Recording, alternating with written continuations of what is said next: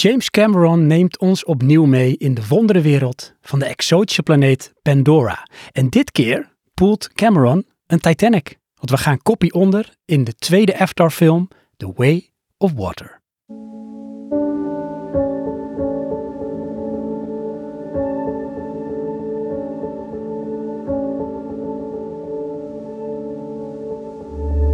James Cameron die vertelt tijdens een interview met het Amerikaanse The Rap dat hij de Avatar-films vergelijkt met episodische televisie. Cameron zegt: Het is een groot verhaal en dus niet een nieuw verhaal met dezelfde personages per film. De ontwikkelingen van de personages, de struggles waar ze mee dealen in alle delen, nemen ze steeds mee naar de volgende delen enzovoort. Het is dus één lang lopend verhaal, opgesplitst in uiteindelijk vijf films.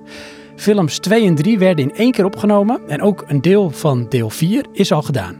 Alle verhaallijnen voor alle films zijn al volledig uitgeschreven en liggen klaar om opgenomen te worden. Dit liefdeskindje van Cameron kan dus zo in een rijtje geschaard worden met filmreeksen als The Lord of the Rings en Star Wars. En dat deel 2 voor het grootste gedeelte zich onder water afspeelt, dat mag eigenlijk bij een regisseur als James Cameron niet als een verrassing komen. Want de man lijkt een obsessie met water te hebben. Kijk dan naar zijn eerdere films. En dan bedoel ik natuurlijk The Abyss, Titanic en zelfs Terminator 2 met die vloeibare Terminator, de T-1000. En nu dus het tweede deel van Avatar met als titel The Way of Water. Deze film die kwam in Nederland uit op 14 december 2022 en hij duurt 3 uur en 12 minuten. En ondertussen is deze film ook te zien op Disney+. Uh, regisseur, ja, ik noemde hem al, James Cameron, die we kennen van onder andere Titanic, Terminator 2 Judgment Day en uh, The Abyss. Producent, waar hij eigenlijk altijd mee samenwerkt, is John Landau. Uh, in de hoofdrol hebben we de Navi, eigenlijk de Sky People person, omgetuned naar Navi, Jake Sully, gespeeld door Sam Worthington. En voor de rest, om maar wat namen te noemen, want het zijn vooral eigenlijk computeranimaties die een echt persoon vertegenwoordigen is het Neytiri, gespeeld door Zoe Saldana. Uh, Weaver, de stem in ieder geval uh, van Kiri. Dan hebben we nog Kate Winslet als Ronald.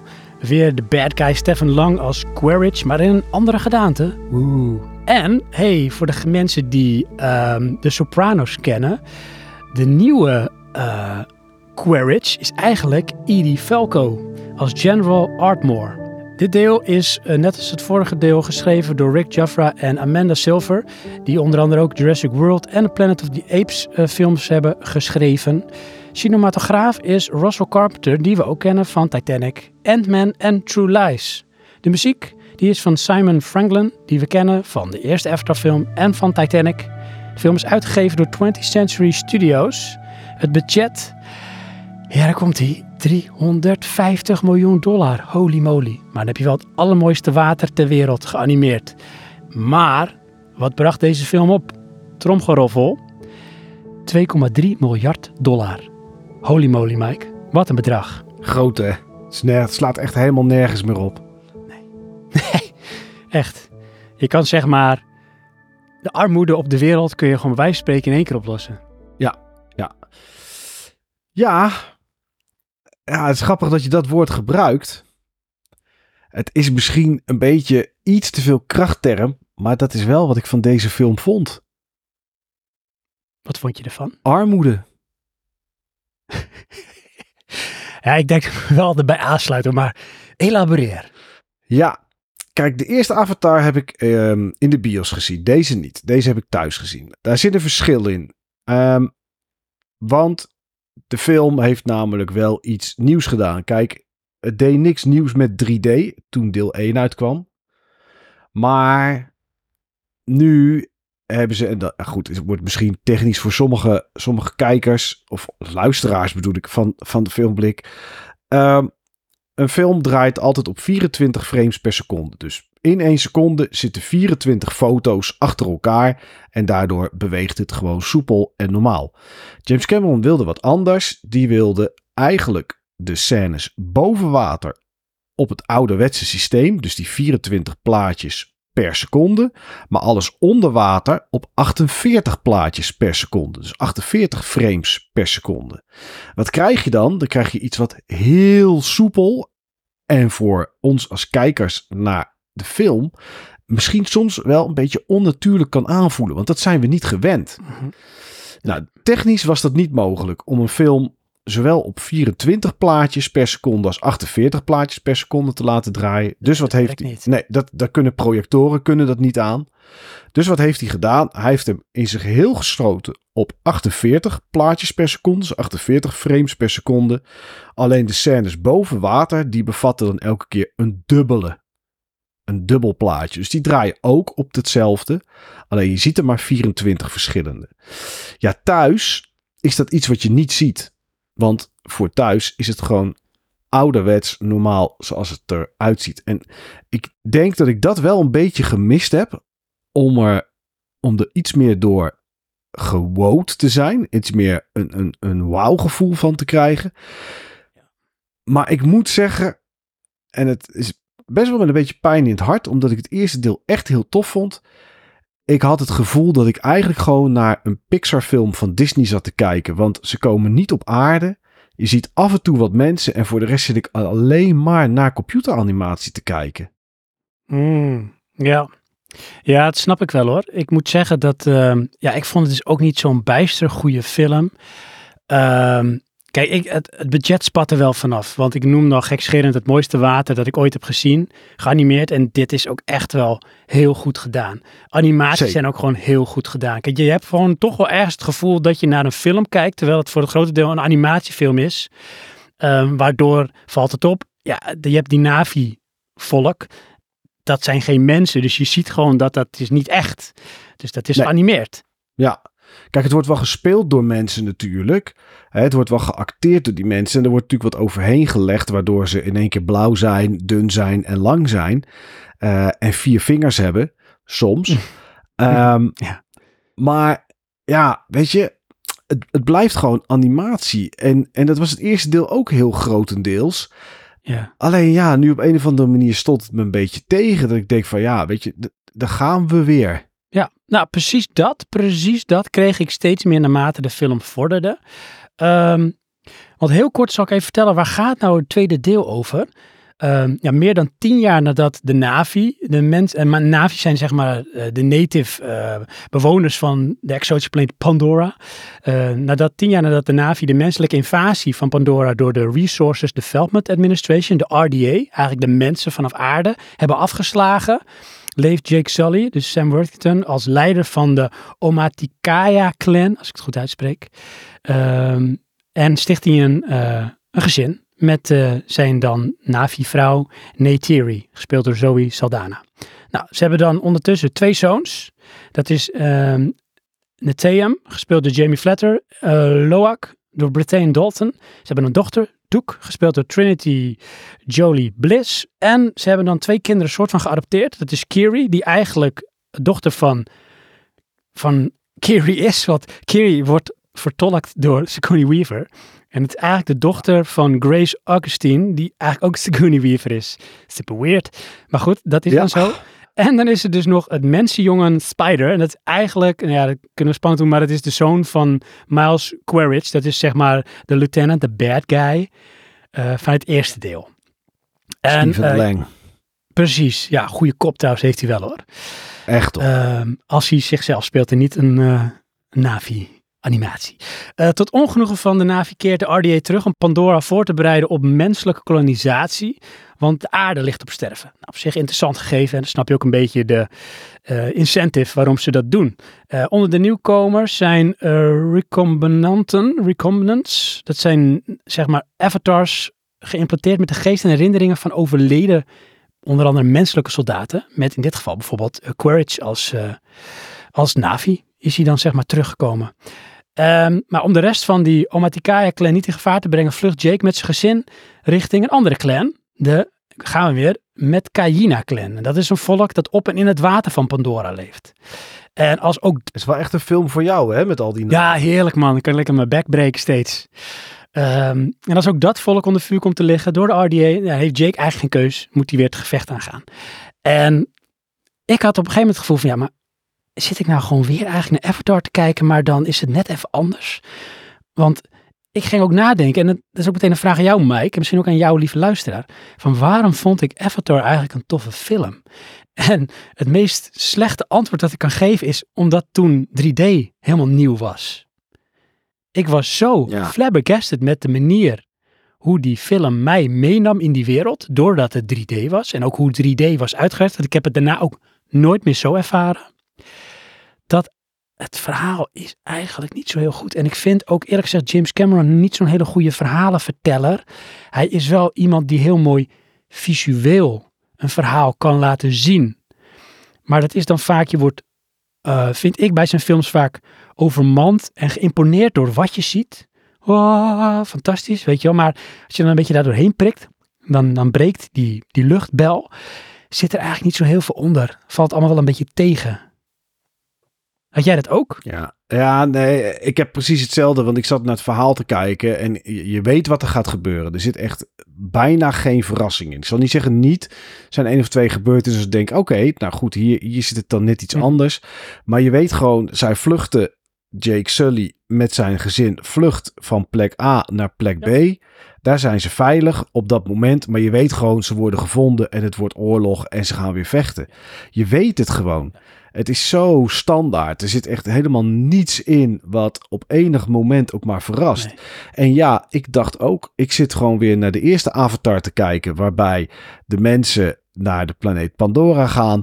Eh, daar is eh, een, een, een boom met resources, waardoor ze oneindig veel energie zouden hebben op de aarde. Zoiets was het, geloof ik.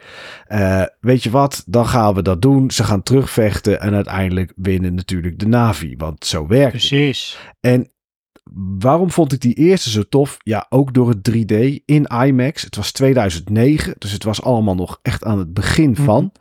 Eh, ik heb de film later thuis ook nog wel gekeken. Gewoon op tv, geen 3D. En ja, weet je, dan is het ook de herbeleving van iets wat je gezien hebt. Het was ook voor het eerst, denk ik, dat er op een wat serieuzere toon van deze kwaliteit zo'n wereld, digitaal natuurlijk, maar zo'n wereld als Pandora wordt neergezet waar niet alleen het een buitenaardse planeet is, maar waar ook hele volkstammen leven, waar een hele eh, flora is, waar een hele fauna is, waar ook binnen zeg maar de dieren, eh, het dierenrijk wat er is, dat daar ook rangen en standen in zitten en dat soort dingen. Het is, er is echt een wereld gemaakt. Ja. Alleen wat ze daar allemaal in laten zien en doen, dat komt allemaal eigenlijk gewoon weer terug in The Way of Water. Ja, en is dan is het ja. dus, het is niet nieuw meer, het verbaast niet meer, want ik heb dit allemaal al een keer gezien. En ja, het was 2009, toen heb ik hem twee keer in de bioscoop gezien. Ik heb hem daarna denk ik nog een keer of drie, vier misschien thuis gezien. Ehm, en ja, weet je, het is gewoon meer van hetzelfde. En dan ben ik ook heel bang voor deel 3, die in 2025 moet komen. Mhm. Want ja, als het grotendeel al is opgenomen.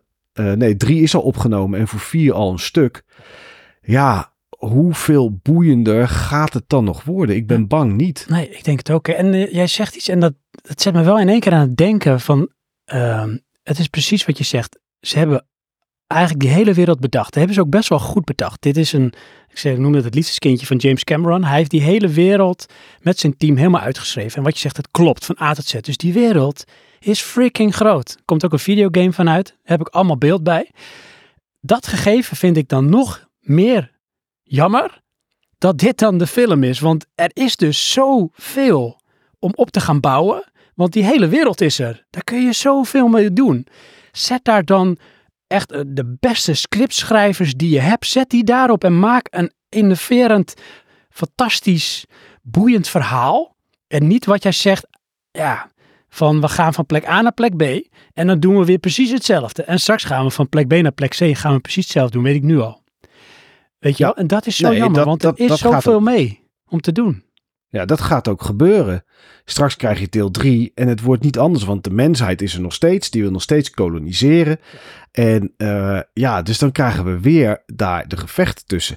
Maar wat je zegt, die wereld, er is een hele wereld gemaakt. En ik heb ook het gevoel dat we in Avatar 1 tot en met 5 vooral dat krijgen te zien. We krijgen, James Cameron wil, dat gevoel is wat ik krijg, wil ons die wereld laten zien. Mhm. En wat voor verhaal daar dan bovenop ligt, ja, dat boeit dan niet zoveel. Nee, dat is het. Dat is misschien het type filmmaker dat hij dan is. Hij wil dat laten zien.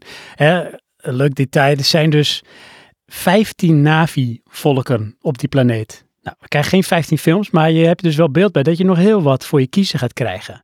En dat is natuurlijk spektakel. Dat, daar kan je heel veel mee. Maar het is voor mij dan niet voldoende om dit een boeiende reeks te laten zijn. Dan haak ik, ik haak niet af. Ik ga ze wel kijken, maar ik haak wel af. Dit is niet mijn franchise. Nee, en ik ben ook benieuwd, hè, daar zat ik na afloop aan te denken. Oké, één, dat waren eh, mensen gewoon op land en die kunnen dan ook vliegen. Twee is een volk dat dan met water is. Wat krijgen we straks bij drie? Iets wat in de grond kan.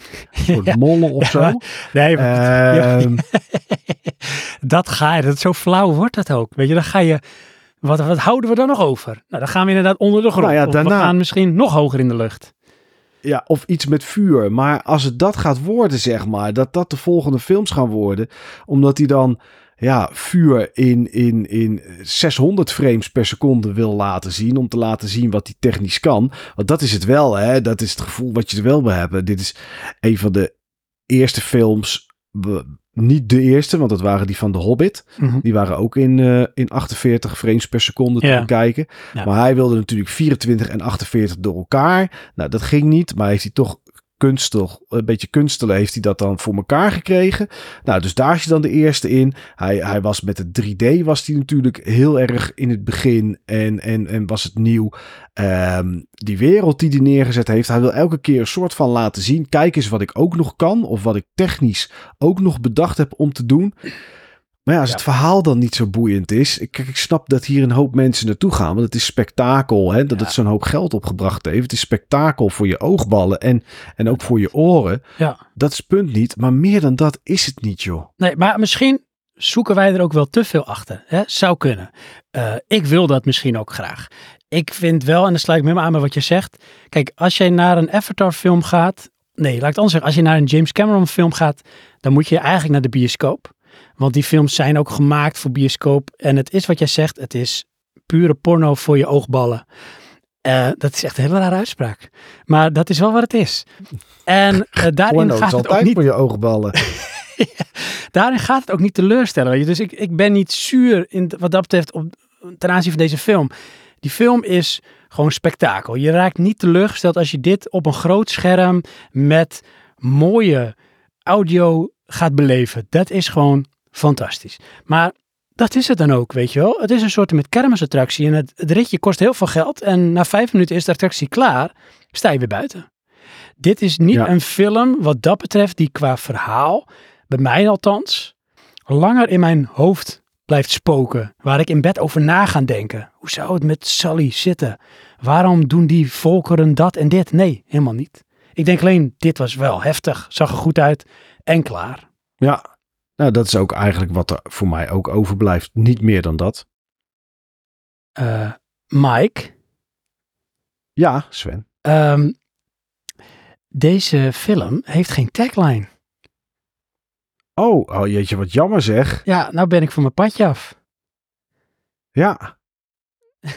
Ja, dan moeten we ook maar niet proberen er een te verzinnen. Nou, dat is mijn vraag aan jou, Mike.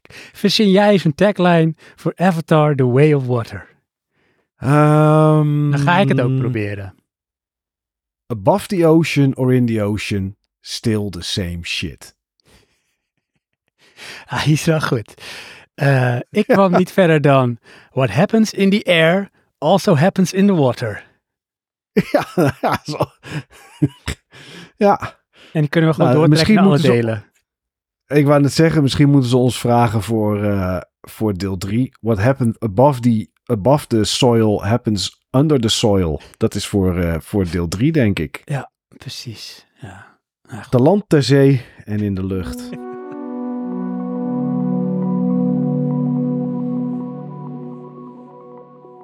Er zijn films waarbij je na het kijken ervan weet dat je iets bijzonders hebt ervaren. Het mag geen verrassing zijn dat deel 1 van Avatar dat met ons deed toen deze in 2009 in de bioscoop kwam. En een film zo immersief ervaren, kijkende door een 3D-bril. En je voelde dat je deel uitmaakte van iets bijzonders. Maar ja, de tijd van 3D, ja, die ligt toch wel een beetje achter ons. En het heeft het nooit echt gemaakt. En dan zijn we nu 14 jaar verder. En is daar deel 2. Maar ja, er is wat ons betreft weinig meer over van dat bijzondere gevoel van deel 1. En natuurlijk, James Cameron, dat is een fenomeen. Hij kan als geen ander een wereld tot leven brengen. Het is echt een verteller in beelden. Maar telkens tijdens het kijken van Avatar The Way of Water bekroop mij het gevoel dat ik dit al eens had meegemaakt. En dat ik in feite naar eenzelfde soort film keek als deel 1 en dat het zich op eenzelfde soort manier afspeelde. Ja, en ik weet, er zijn genoeg liefhebbers van deze franchise die het echt compleet met mij oneens zijn. En dat begrijp ik en dat respecteer ik. Dus daarom doe ik een oproep aan James Cameron om de pijn iets te verzachten. Ik zou willen zeggen, een wereld zo mooi, zo compleet en zo levend, ja, dat verdient een verhaal dat minstens zo imponerend is. Zet er een scriptschrijver van formaat neer en bedenk nou eens een echt bijzonder, uniek verhaal dat net zo uniek en bijzonder is als de mooie wereld van Pandora.